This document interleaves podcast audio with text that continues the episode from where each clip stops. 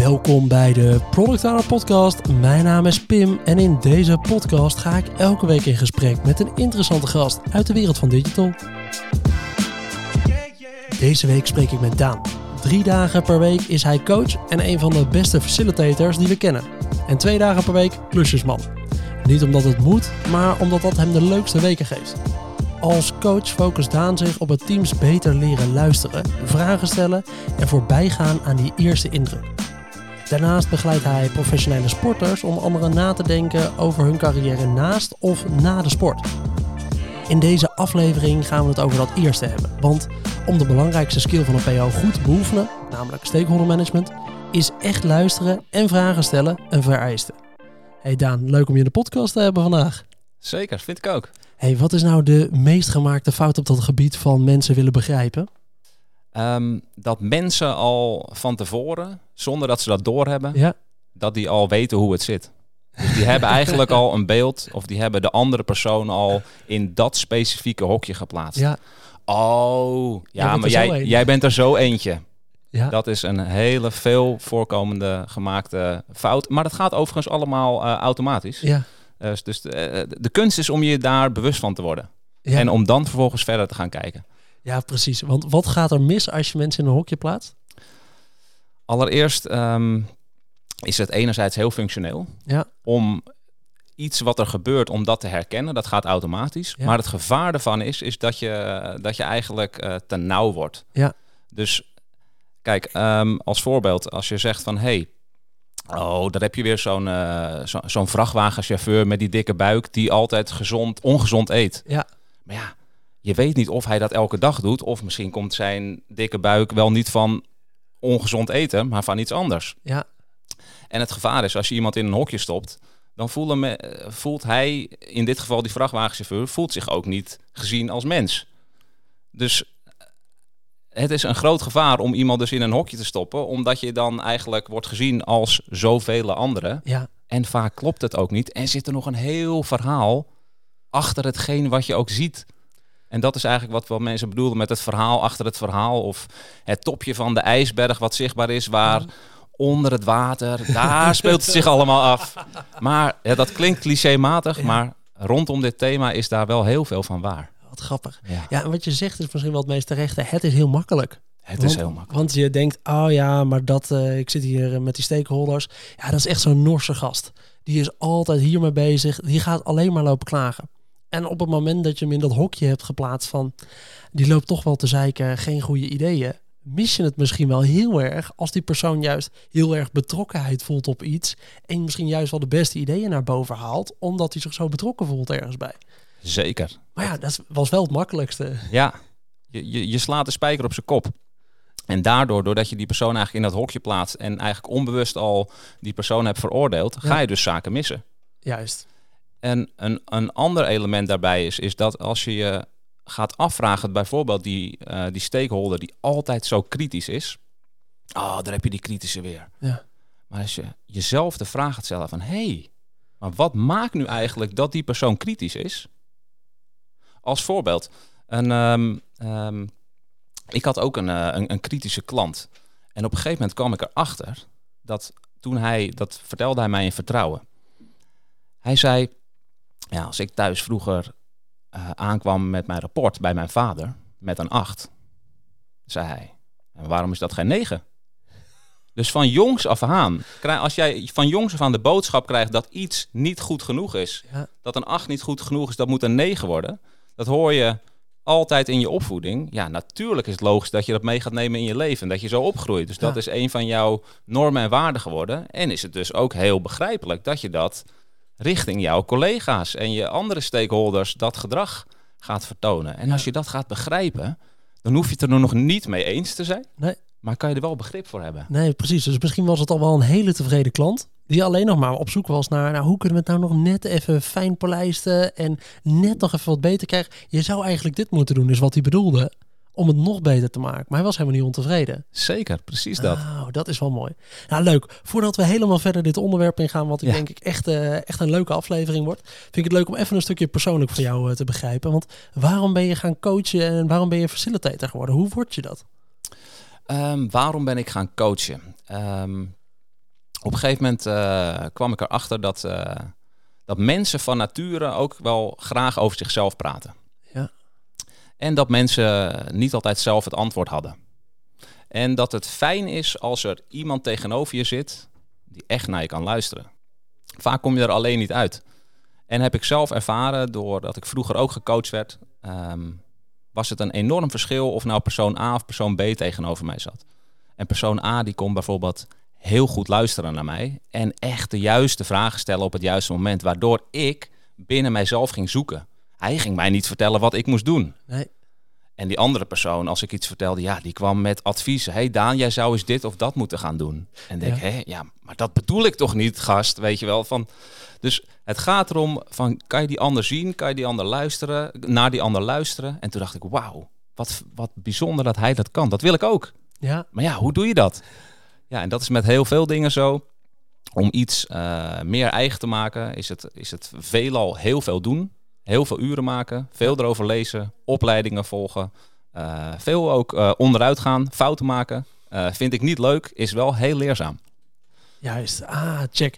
En waar, waar, die fascinatie, die is daar dus een beetje op blijven hangen op het feit dat je zei, nou ja, eigenlijk wil ik ook wel snappen hoe ik nou bij mensen het los kan krijgen, dat ze echt voor zichzelf ook meer achterkomen wat nou het probleem is. Ja, ja. Kijk, ehm, als je in een gesprek zit eh, tegenover iemand, weet die andere persoon niet altijd wat eigenlijk nou het probleem is. En hetgeen wat iemand als eerst zegt, vaak is dat niet het probleem. Nee. Want dat is gewoon hetgeen wat er zichtbaar is. Precies. Vaak is het zo dat er dat de echte oorzaak of het, het, hetgeen wat echt belangrijk is, dat dat veel dieper zit. Ja. En ik vind het fascinerend om daar de tijd voor te maken. Want als je iemand wil coachen en als je echt naar iemand wil luisteren, dan heb je ook tijd nodig. Tegenwoordig leven we wel in een wat snellere wereld met eh, KPI's, met resultaten, met targets, met social media, bam, bam, bam, eh social, eh, meetings die je, die je moet volgen. Maar ja, hoe gaat het nu echt met jou? Ja. En hoe gaat het met je team? Ja, En wat speelt er nou echt op die werkvloer? ja. Is dat hetgene wat wordt verteld in management meetings? Of is dat hetgene wat die drie collega's bij het koffieapparaat eigenlijk tegen elkaar zeggen? Hey, ja, wat vind jij er nou eigenlijk van? Dat is wel mooi. Ja, juist, juist. Ah, dat is een leuke manier om er daar ergens tussen te springen. Ja, we hadden het laatst in de aflevering inderdaad over dat de eerst uitgesproken wens is vaak niet de echte behoefte. En, Zeker. eh, dat is wat je heel vaak ziet ook al in, de- in dit vak als PO. Is dat je, ja, heel veel mensen zullen wel het eerste roepen. Maar ja, aan jou echt wel de taak om erachter te komen wat daar nou achter ligt. En niet te blijven hangen bij die eerst uitgesproken wens. Want ja, dit is wel het makkelijkste. Oh ja, ik schrijf hem even op op mijn actielijstje. Terwijl ja, je hebt nog niet je best gedaan om ook maar te begrijpen wat die persoon eigenlijk voor elkaar probeerde te krijgen door het uitspreken van die wens. Want wie weet was het wel even een eerste contact krijgen of was het jou activeren om iets anders te gaan doen. Of, dus dat is wel een, eh, dat hangt wel een beetje samen met die strekking. Zeker weten. Cool. Hey, wat me ook echt fascineerde was leuk eh, toen ik, eh, ik werd geïntroduceerd door een collega, door Jochem. eh, hey, je moet Daan echt een keertje uitnodigen voor de podcast. Wat trouwens heel cool is, Daan die werkt niet fulltime alleen maar als facilitator en coach. Hij werkt ook als klusjesman. Hij wil ook met zijn handen bezig zijn. Hij vond dat gelijk wel cool. Ik voelde mezelf wel een beetje getriggerd dat ik dacht, ja, ik heb ook wel eens dat ik denk, ik wil gewoon even een dagje fysiek met de handen bezig zijn. Ik vind het leuk om het daar heel even over te hebben. Want hoe, hoe maakte je die keuze dat je zei, nou, ik ga mijn werkweek gewoon zo indelen? Ehm, ik heb eh, een jaar of twaalf geleden woonde ik in Amsterdam. Daar heb ik al destijds al eh, geprobeerd om mijn eigen badkamer en keuken te maken. Daar was ik enorm trots op. Eh, dus ik denk dat ergens daar al het, het eerste zaadje was geplant. Ja. Ehm, vervolgens ben ik bij, bij Better Future gaan werken. Wij hielpen organisaties om een omslag te maken van zoveel mogelijk winst naar ook echt waarde toevoegen. Voor, voor de maatschappij, voor, voor klanten, voor Ja. medewerkers. Eh, dat jaren gedaan. Ik begon het coachen enorm leuk te vinden, enorm waardevol. Ja. Ehm, en ik weet nog dat ik in, volgens mij was het 2017, soms schrijf ik wel eens wat op. Van hey, stel dat ik nou eens een tussenjaar zou hebben. Wat zou ik dan gaan doen? En toen schreef ik nog op, dat weet ik heel goed. Ja. Ik zou dan drie maanden mee gaan willen lopen met een timmerman, met een elektricien en met een loodgieter. Om dat vak te leren, om bezig te zijn. En vervolgens ging ik weer de volgende maandag naar mijn werk. Ja. Dus, in, dus het is, eigenlijk is het een proces wat al jaren bezig, wat een beetje sluimert. Net als een zaadje wat je niet ziet. Ja. Totdat op een moment er ook wat veranderingen eh, kwamen bij, me, bij mijn werkgever. Ik zat al inmiddels acht, acht jaar bij de zaak. Eh, het begon wat te kriebelen en ik had het gevoel van... hé, ik heb een volgende stap te maken. En toen dacht ik, ja, ik las een artikel en hey, wat zou ik doen als ik nog maar twee jaar te leven had? Ja. Las ik in dat artikel en dat triggerde mij. Onder andere met een aantal andere zaken. Dacht ik, ja, nee, ik, ik wil een stap maken. Nou, waarom zou ik niet een werkweek in gaan richten zoals ik dat graag zou willen? Ja. Dat was mijn startpunt en mijn ideaal. En dat is natuurlijk niet makkelijk, maar het leek me wel heel tof. Dus iets doen wat ik enorm leuk vind, waar ik ook goed in ben. Ja. Eh, natuurlijk moet ik ook mijn hypotheek kunnen betalen. En waar ik voldoening krijg. En het liefst dat ik ook nog iets van betekenis kan zijn. Ja, toen had ik bedacht van, hé, hey, ik vind werken met mijn handen vind ik superleuk. Uh, en het coachen wil ik heel graag blijven doen. Dus uh, ik zet mijn eigen bedrijf op en ga die twee elementen combineren in twee verschillende bedrijven. Ja. Um, ja, en het was enerzijds super tof en het was niet altijd makkelijk, omdat je ook eigenlijk in het diepe springt en een onzekere tijd tegemoet gaat. Ik heb een, uh, een vrouw, een kinderen, hypotheek, maar ja. ja. Zeg je dan je baan op, Daan? Echt? En je vaste contract? Ik zeg, ja, ja, ik wil dit echt heel graag. En ik stelde me vraag, mezelf de vraag, ja, wat is het allerergste wat er kan gebeuren? Ja. Ja, dat is dat ik dan over een paar jaar weer ergens in dienst ga. Dan is, dan is het mislukt. Ja. Maar dat is niet zo. En, uh, dat vind ja. ik ook cool. Ik vind het in ieder geval wel een hoop ballen tonen dat je gewoon zegt, oké, nou, dan gaan we het gewoon even anders doen. Ik, uh, ik ga gewoon drie om twee werken. Ik vind het heel leuk om te doen, maar het hoeft niet elke dag. Ik denk dat uh, stiekem meer mensen dit wel eens denken dan dat de mensen het durven. Heel cool. hey, laten we even verder gaan naar dat, teruggaan naar het hoofdonderwerp. Volgens mij maakt het al een paar mooie eerste slagen net door even uit te leggen ja, wat nou echt heel vaak fout gaat. Namelijk gewoon mensen alvast in een hokje willen zetten en op basis daarvan je communicatie afstellen. En dat het eigenlijk voor een PO wel heel belangrijk is om dit wat beter te snappen. Uh, ik denk dat het leuk is om eerst even te snappen, ja, wat is er nou in het algemeen echt nodig om iemand te begrijpen? Wat moet je nou doen om te zorgen dat je iemand beter begrijpt? Um, een van de belangrijkste dingen is zelfkennis. Ja. En laat ik even stil te vallen. Precies, wat bedoel je daarmee? Toen iemand dat tegen mij zei, jaren geleden, dacht ik, hé, zelfkennis? Ik moet toch naar die ander luisteren, dacht ik. Wat ik ermee bedoel, is zodra jij jezelf beter gaat leren kennen, ja. weet jij bijvoorbeeld of hetgeen waarnaar je luistert, of dat van jezelf is, of dat het van de ander is.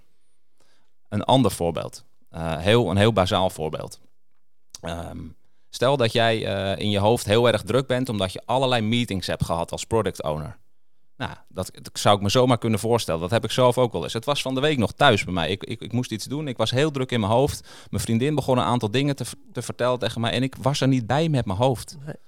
Maar ik realiseerde me dat niet op dat moment. Dus op het moment dat jij je realiseert dat je zelf kennis hebt van... oké, okay, ik ben er nu niet bij met mijn gedachten. Dat is van enorm invloed op jouw kwaliteit van luisteren. Dat is, dat is één voorbeeld van de, van de zelfkennis. Ja. Um, een ander uh, voorbeeld is eigenlijk, wat is nou jouw houding binnen een gesprek? En heb jij de moed om het over de ander te laten gaan? Want luisteren gaat in essentie, gaat het enorm ook over die ander. Het gaat ook over jou, over jezelf natuurlijk. Maar heb jij de moed dat het over de ander mag gaan? En, en luisteren vergt moed.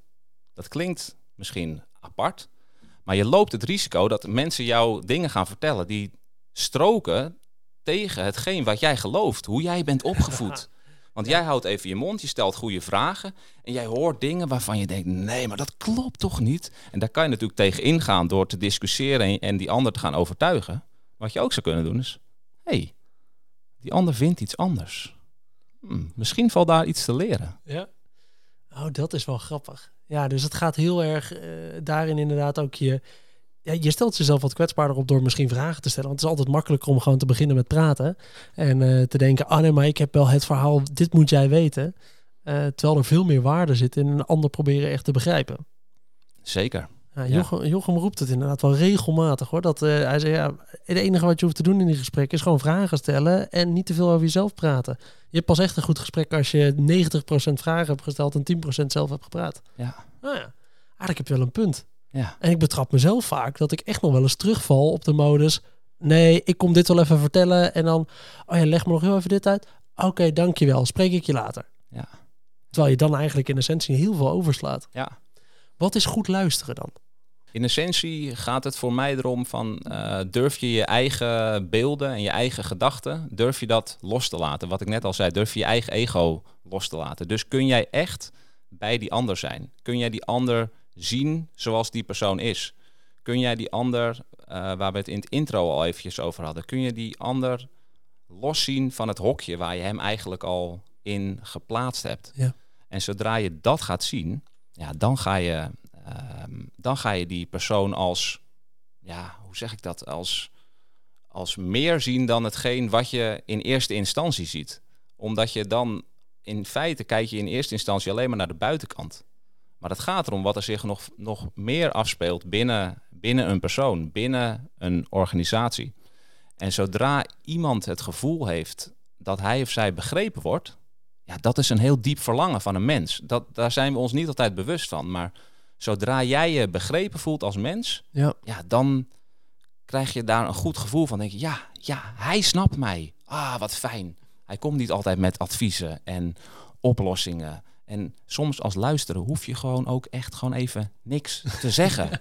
Je moet wel aanwezig zijn, echt Ja. actief aanwezig zijn. Ja. Dus het is fijn als je bijvoorbeeld oogcontact blijft houden. Maar hou ook gewoon even de moed hebben om je mond te houden. Ja, dat is wel een grappige. Als ik me even plaats in die context van, eh, van veel van de luisteraars die werken als product owner. Ja, is dat als je mensen daarin weet mee te krijgen, dat je het gevoel hebt, of dat zij het gevoel hebben dat jij ze begrijpt, geeft dat je zoveel vrijheid in je werk. Ja. Want dan krijg je in één keer vertrouwen. Want dat is eigenlijk een soort bijkomend iets van als mensen het gevoel hebben, oh nee, die persoon die begrijpt mij. Dan mag je ook gewoon gaan rennen als PO. Want dan hoef je niet meer te verantwoorden. Want zij hebben ook het gevoel van, nee, die kan ik vertrouwen. Die begrijpt mij. Precies, precies dat. Daar zit wel een hoop waarde in. Ja, Misschien wel meer dan dat ik in het begin van het gesprek al door had. Mooi, die vind ik leuk. Dus eigenlijk is stap 1, als ik hem zo even terugblik, is inderdaad... Ja, wat heb je nou nodig om goed te luisteren naar iemand? Nou, zet je ego aan de kant en richt je op het aantal... op die vragen stellen. Volgens mij is dat het volgende waar we het even over moeten gaan hebben. Want vragen stellen. Ja, hoe zorg ik nou dat ik de juiste vragen stel? En hoe bouw je vragen eigenlijk misschien wel op in een gesprek? Ehm, kijk, ik kan natuurlijk een aantal voorbeelden geven van, eh, van wat aan zich goede vragen lijken. Ja. Maar om even één stap terug te doen, is als je een vraag stelt, van waaruit stel je eigenlijk die vraag? Stel je die vraag omdat je eigenlijk, stel je die vraag voor jezelf, of stel je die vraag omdat je de ander eigenlijk beter wil begrijpen? Ja, zoek, stel je hem omdat je eigenlijk bevestiging wil voor je eigen gedachten? Precies. Of omdat je op zoek bent naar wat die ander nou eigenlijk als mening heeft? Precies. En die ander, die gaat dat voelen. Die weet dat. Die weet of jij vragen voor jezelf stelt. Of als je vraagt van, hé, hey, eh, ja, maar wat, wat bedoel je daar nou eigenlijk mee? Zou je me daar nog meer over willen vertellen? Ja, Dan kan die ander eigenlijk keuzes maken in wat hij of zij gaat vertellen. En dan heb je dus oprechte interesse. Vragen zijn namelijk enorm, daar kan je enorm mee sturen. waarmee kun je sturen met je vraag? Hoe stuur je met je vraag? Ehm, even kijken, om een, om een voorbeeld te geven. Eh, als er zich bijvoorbeeld een, eh, een, een probleem afspeelt op het werk, ehm, dan kun je natuurlijk vragen van, hé, ja, maar hoe, hoe heeft dat eh, kunnen ontstaan? Wie is daarbij betrokken? Waarom is dit, waarom is dit gebeurd? Hoe lang is dat geleden? Het zijn allemaal hele gedetailleerde Ja. vragen ook. Ehm, je kunt ook naar de ander toelopen en een, en een meer een open vraag stellen van... hey, ik merk dat, dat we hier... Er is iets gebeurd. Ja. Zou je er iets over willen vertellen? Dan la, dat is een hele open vraag waarbij je de ander eigenlijk de keuze laat om te vertellen. Ja, Waarbij je dus nog niet stuurt. Maar in sommige situaties kan het juist ook heel handig zijn om te sturen. Want als bijvoorbeeld in een management meeting, als we daar zitten... en je merkt dat het alleen maar over... Ik zeg, een simpel voorbeeld gaat alleen maar over de financiën ja, dan zou jij dus het, het gespreksonderwerp in die meeting kunnen wijzigen van hé, hey, eh, we hebben het veel over financiën. Hebben we eigenlijk al nagedacht van over ons vijfjarenplan? Ik zeg maar een gek voorbeeld. Ja. Of over wat is eigenlijk de impact eh, op, onze, op onze stakeholders? We kijken nu alleen maar naar de resultaten. Bam, je, je wijzigt eigenlijk een onderwerp ja, binnen een, binnen een meeting. En daarin kan je dus zelf eh, richting aan gaan nemen. Of richting gaan bepalen. ja, juist. Ja, nee, daar heb je gelijk in. Hè. Dat, is, eh, dat is de kracht van vraag. Ik denk dat ik eh, dat kunstje hier ondertussen ook al 69 afleveringen lang eh, een beetje mag oefenen. Met hoe krijg ik nou eigenlijk de, de, de passie uit iemand naar voren en de juiste informatie. Maar er zit inderdaad veel, veel kracht achter. Want ja, je kan het aan de ene kant tekort houden. De grootste les die ik er nu al gelijk uithaal uit de eerste minuut is inderdaad dat ik vrij vaak toch wel een gesprek voor mezelf hou. Eventjes ergens op af om te zorgen dat ik het beter begrijp en er weer eventjes mee verder kan. Terwijl er nog een hele stap bij zou kunnen komen. En dat zou wat meer echte oprechte interesse zijn voor mensen. Om net wat meer te achterhalen waarom zij nou zoveel verantwoordelijkheid voor iets voelen. Dat zij jou proberen te overtuigen van dat hun idee echt het beste is. Ja. Ja, daar zit wel waarde in. Ja. Hoe zorg je nou in een gesprek, eh, als je even vanuit, die, van die, vanuit deze rol een beetje denkt, voor de juiste balans tussen vragen stellen en informatie willen geven? Kijk, vragen stellen is uh, in mijn optiek uh, heel waardevol. Um, omdat je dan dus nieuwe informatie ook krijgt en die ander kan erover vertellen. En wat ik zei van door de regel heen vinden mensen het fijn om over zichzelf te praten of over, om een, over hun eigen dienst te praten. De tegenhanger daarvan is als je alleen maar vragen, vragen, vragen, vragen, vragen stelt, dan kan je ook een soort interviewer lijken en kunnen mensen het idee hebben van ja, hé, hey, maar hoe zit dat eigenlijk bij jou? Ja. Dus dat is ergens de balans tussen vragen stellen, maar ook iets van jezelf laten zien. En ja, dat is ook afhankelijk van degene, en dat is eigenlijk altijd zo, afhankelijk van degene die tegenover je zit. Dus um, op, ken je wel eens mensen dat je bijvoorbeeld, je zit midden in een verhaal en me, andere mensen kapen dat gesprek. Ja, dat ik nu zeg maar verder ga met deze vraag van ja. Precies dat. Ja, ja en dat jij naar een heel ander onderwerp gaat en denkt, hé, ik ben nog niet uitgepraat. Ja. Dus dat, dat is vervelend. Dus als je dat merkt in een gesprek, dat iemand jouw gesprekken overneemt, dan zou je dat natuurlijk allereerst uh, zou je het subtiel kunnen adresseren met een grapje. Redelijk hard confronteren. of redelijk hard confronteren. Maar dan is het ook fijn om, om dan weer het gesprek naar jezelf terug te halen door ja. weer iets over jezelf te vertellen. Dus het is, het is enorm afhankelijk ook van, van wie er tegenover je zit, wat je, wat je in dat geval doet. En ja, je kunt niet een, een, een, een, een soort vaste regels geven van ja, hey, hoe moet je dat doen? Want het is, ja, het is nou, daarvan afhankelijk. Ik denk dat de, de, hele mooie kernles daar ook wel ergens in is. Hè, dat als je in zo'n gesprek zit, dan ja, je kan eigenlijk op twee manieren luisteren naar dat gesprek. Eén is, oh wacht, dit heb ik ook meegemaakt. Eigenlijk zou het nu wel grappig zijn als ik dit ga vertellen. Mm -hmm. Of je kan luisteren op de manier, oh dat is grappig dat hij dit heeft meegemaakt. Of dat zij dit heeft meegemaakt. Ik zou dat wel wat beter willen begrijpen. Ja. Hoe komt het dat je in die situatie kwam? Hé, hey, wacht. En dat is een hele andere manier van luisteren naar iemand. En dat is veel minder. In het eerste geval ben je heel erg met jezelf en met je ego bezig. Van, oh, eigenlijk wil jij de grappige zijn in de groep. En als jij dit nu vertelt, dan lijkt het misschien nog wel grappiger dan dat dit is. Ja. Terwijl je eigenlijk een veel leuker persoon bent voor veel mensen. Als je in die andere manier gaat denken. Namelijk, welke vraag zou ik nog moeten stellen om die persoon eigenlijk nog meer gehoord te voelen? Precies. Daar zit wel kracht in, uh, Daan. Het is wel een mooie, een mooie balans van waar je, wat je met vragen eigenlijk kan, uh, kan doen in een gesprek. Ja. Leuk. Um, wat zien we nou naast, uh, we hebben het eerder al gehad over een, fout, een veelgemaakte fout is eigenlijk dat mensen in hokjes plaatsen. Wat is nou nog meer zo'n veelgemaakte fout die heel vaak in teams, dus als je een, een coaching sessie misschien wel doet met een team, wat zie je nou vaak fout gaan op dat gebied? Waar lopen teams tegenaan? Kijk, luisteren is ook luisteren naar wat niet gezegd wordt. Dat klinkt filosofisch. Ja.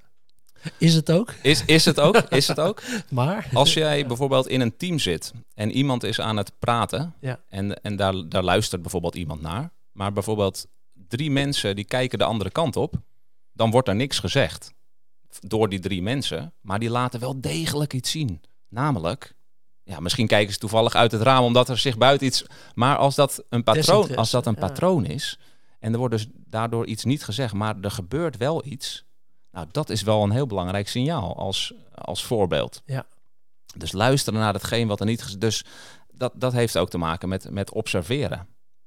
Van hé, hey, wat, wat speelt hier? En klopt hetgeen wat iemand zegt met hetgeen wat hij uitstraalt? Dus als iemand zegt van. Uh, uh, dat hij heel blij is, maar dat hij eigenlijk heel verdrietig kijkt, dat is niet congruent met elkaar. Dus Ja. dan, dan klopt er in, iets niet. En dat gaat ook over luisteren, maar dan uh, ook dus naar luisteren wat er niet gezegd wordt. En het gaat ook over kijken. Ja, Wat speelt zich hier af in deze ruimte? Bijvoorbeeld binnen een, binnen een team. Dus dat is ook een, ja, het is niet een fout, maar het is wel iets wat, wat veel voorkomt. Een andere fout is dat, dat zien we heel vaak, is dat mensen elkaar gewoon niet uit laten praten. Iemand zit nog midden in zijn zin. En de anders, en de dominante man of dominante vrouw, Bob, die zit er alweer bovenop. Nee hoor, want ik, ik vind dit. En, en die andere persoon, en stel dat die persoon de moed bij elkaar had verzameld om eindelijk iets te zeggen, hop, en die wordt weer door de leidinggevende afgekapt. Dus een van de tips die ik al mee zou kunnen geven, is dat je iemand uit laat praten en dat je dan gewoon nog één of twee seconden even wacht. Want misschien is die persoon nog niet uitgepraat. Ja. En komt de essentie van wat die persoon wil zeggen misschien pas op het laatst. En dan heb je het belangrijkste gedeelte gemist. Ja, cool. Ja, volgens mij is dit als luisteraar wel een leuk hoor, om, je, om jezelf een beetje op te, op te challengen. Eh, want ik zit er op het moment voor mezelf ook al wel te doen. Dat ja, oké, oké, volgende werkdag. Dat ik weer eventjes met mijn team zit.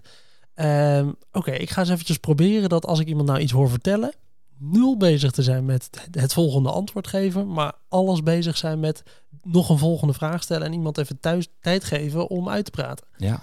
Ik ben wel eens benieuwd. Ik, eh, ik, eh, ik ga de challenge wel even aan. Ik ben benieuwd hoe luisteraars eh, dit oppakken met hun team. Maar ik denk dat zowel om je team als om je stakeholders beter te begrijpen, dit wel hele praktische dingen zijn. Waar je ja, toch vaak allemaal wel een stapje in vooruit kan maken. Ja. En het is eng hè? Omdat je dus nog niet bezig bent met, oeh, ja, maar welke vraag ga ik straks stellen? Wat ga ik dan straks stellen? vertellen, wat wil ik straks zeggen? En jouw brein, die houdt van zekerheid. Jouw brein houdt van controle. Ja. Die houdt niet van onvoorspelbaarheid. Dus je wil controle hebben. Maar dat gaat ook ten koste, omdat jij eigenlijk in je hoofd al bezig bent met het volgende vraag, met het volgende antwoord, hoor je dus minder goed wat die ander zegt. En zodra jij in het hier en nu kunt luisteren dus naar die ander, ja. ga je dus beter luisteren. Cool. Wat ik nog wel even wat beter, misschien heb je daar wel een goede tip voor. Hè? Wat doe je nou als je zo'n stakeholder hebt, wat een beetje zo'n gesloten of soms wat moeilijk persoon is, die eh, wat moeilijker bereikbaar is, of die zichzelf vaak een beetje distancieert van dingen. Um, en je wilt toch even wat beter begrijpen waarom dat nou is. Zijn er dan goede technieken om eigenlijk een wat meer gesloten of moeilijke stakeholder uh, aan te spreken? Het is een, uh, altijd een goede tip om, om erachter te komen van hey, wat, wat drijft iemand? Waar, of uh, waar is iemand enthousiast over? Als je een persoon nog niet zo goed kent en je staat bijvoorbeeld bij de koffieautomaat. Um, nou, dan zou je eens kunnen vragen hoe het, uh, hoe, hoe, het met hem is. Uh, hoe het. Um, even kijken. Ja, eigenlijk wat je moet doen is volgen, volgen, volgen en dan leiden. Ja. Dus je moet niet gelijk de leiding gaan nemen. Niet je zeggen, moet je... oh, ik heb een zwaar weekend gehad. Nee. Dus je moet jezelf eerst gaan afstemmen ja. op die ander om vervolgens ja, eventueel de leiding te kunnen gaan pakken in dat gesprek. Dus eerst aansluiten. Aansluiten. Oké, check.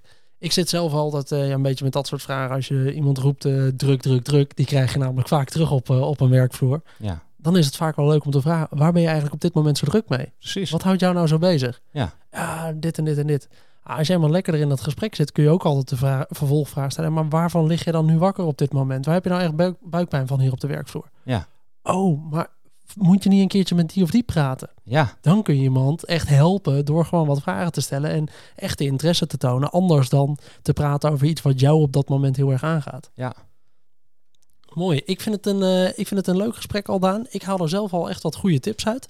Zijn er nog andere praktische tips waarvan je zegt... nou, die geef ik als ik zo'n team aan het coachen ben echt vaak mee? Um, of hebben we de mooiste tips eigenlijk al wel uh, samengevat op het moment?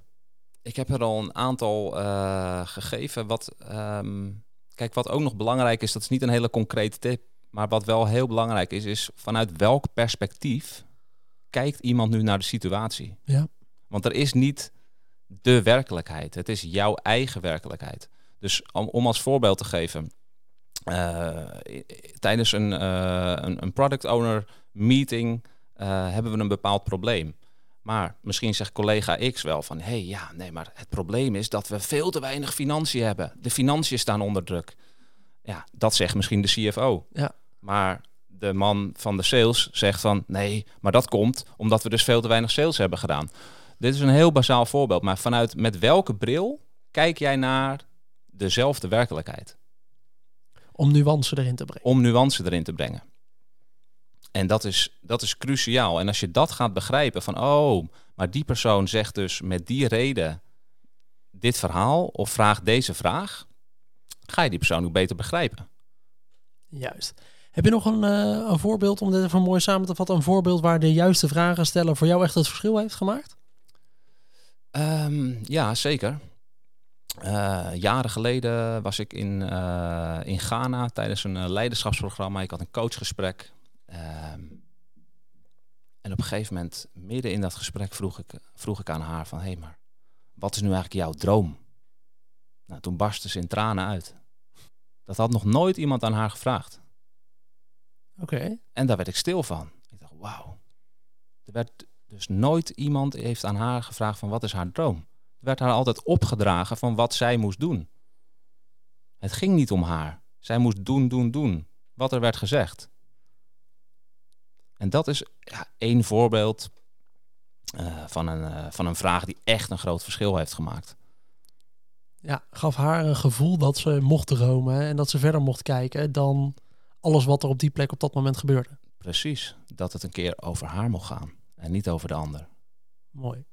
Ik heb er, eh, ik heb er grote lessen uit eh, gehaald al, Daan.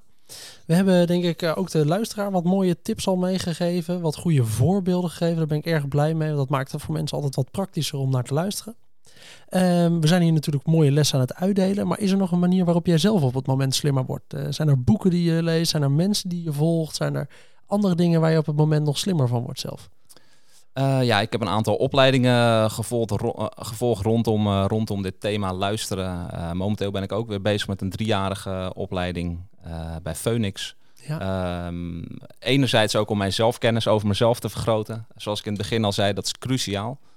Ehm, maar ik denk dat, dat, de, dat het belangrijkste misschien is, is om het vooral te gaan doen in de praktijk. Je moet ermee gaan oefenen. Je moet het gaan doen, doen, doen. En er vervolgens is het fijn om het daarover te hebben met iemand. Dat je bijvoorbeeld een buddy opzoekt binnen je, binnen je team. ja, Stel dat je dit samen wil gaan doen. En, eh, en ook eens eh, vervolgens aan die ander vragen van... hey, hoe, hoe, hoe vond je dat ik bijvoorbeeld heb geluisterd... als je bijvoorbeeld feedback zou willen? Ja. Want het is gek als je namelijk van, je, van jezelf zou zeggen... dat je een goede luisteraar bent. ja, De ander heeft dat te bepalen. Of jij goed geluisterd hebt naar diegene. Ik zeg niet van mezelf dat ik heel goed kan luisteren. Dat wil ik de ander laten zeggen. Of die zich gehoord voelt. Ah, dat is mooi. Dat is volgens mij ook eigenlijk gelijk eh, geef je daarmee eh, ja, een eerst gegeven de, de tip die je iedereen eigenlijk wil meegeven. Ja, probeer er eens mee, maar durf ook te vragen om feedback als je het gevoel hebt dat je hier al goed in bent. Ja, is het ook nog wel waardevol om eens een keertje de kritische vraag te stellen bij een ander. Of ze nou diezelfde opinie over jou hebben. Zeker. Ja. Mooi. Is er nog iets waarvan je zegt, nou ja, nadat je dit hebt geluisterd, is dit eigenlijk het eerste waar je even mee moet experimenteren? Dit is de eerste stap die je moet zetten om hier beter in te worden. Ehm, vraag jezelf eens af, als er zich een situatie voordoet waar je het eigenlijk niet helemaal mee eens bent, of waar je echt anders over denkt, om dan even stil te worden binnen jezelf en jezelf af te vragen, wat maakt nu dat die persoon dat zegt? Ja, En om voordat je gaat oordelen en voordat je wil gaan discussiëren of gaan overtuigen, wa- waar komt die ander vandaan? En als je dat nog niet weet, ga je dat vragen. En ga je dat proberen te begrijpen. En van daaruit ga je een volgende actie zetten. Mooi, ja, dit zijn niet alleen tips voor op de werkvloer. Dat moet ik ook thuis maar eens een keertje gaan proberen. ik denk dat me mijn vriendin heel veel rust zou geven als ik dit ga doen. Ja, misschien wel ja. Mooi. Hey, wat we vaak eh, nog even bij afsluiten bij die, eh, bij die grote les is... Ja, wat moet je vooral niet meer doen? Nadat je dit hebt geluisterd, waar moet je je nu bewust van zijn? En wat moet je vooral echt niet meer gaan doen? Wat je vooral niet moet gaan doen, is, eh, is de ander in de reden vallen. Dat moet je echt niet meer doen. Laat die ander gewoon uitpraten. Ja, Neem daar ook even de tijd voor. want je wordt er zelf gewoon eigenlijk niks slimmer van... door een ander altijd in de reden te vallen. Precies. Je, je hebt je eigen verhaal al heel vaak verteld, denk ik. En het verhaal van de ander ken je nog niet. Mooi. Laat je ego thuis en, eh, en eh, steek het dus op deze manier in. Precies. Hey Daan, ik vind het eh, een leuke aflevering. We hebben Ik echt ook. meer geleerd over vragen stellen, maar ook het belang van luisteren. Hoe luisteren nou eigenlijk in, in elkaar steekt. Ook wel hoe je met bepaalde situaties omgaat. Ehm, ik ga er zelf mee aan de slag. Ik durf de challenge wel aan. Als mensen nou nog vragen hebben over dit onderwerp, kunnen ze jou dan een bericht sturen via LinkedIn? Zeker. Kijk, dat is Daan Modderman op LinkedIn. Dan wil ik iedereen weer bedanken voor het luisteren naar deze aflevering van de Product Owner Podcast. Vond je dit nou een leuke aflevering? Vergeet dan niet om onze podcast een leuke review te geven in je favoriete podcast app. Heb je nou nog vragen of opmerkingen voor mij naar aanleiding van deze aflevering? Stuur me dan vooral een berichtje via LinkedIn, dat is Pimpot, of via pim.productowner.nl. En dan hoop ik dat je de volgende keer weer luistert. Tot dan!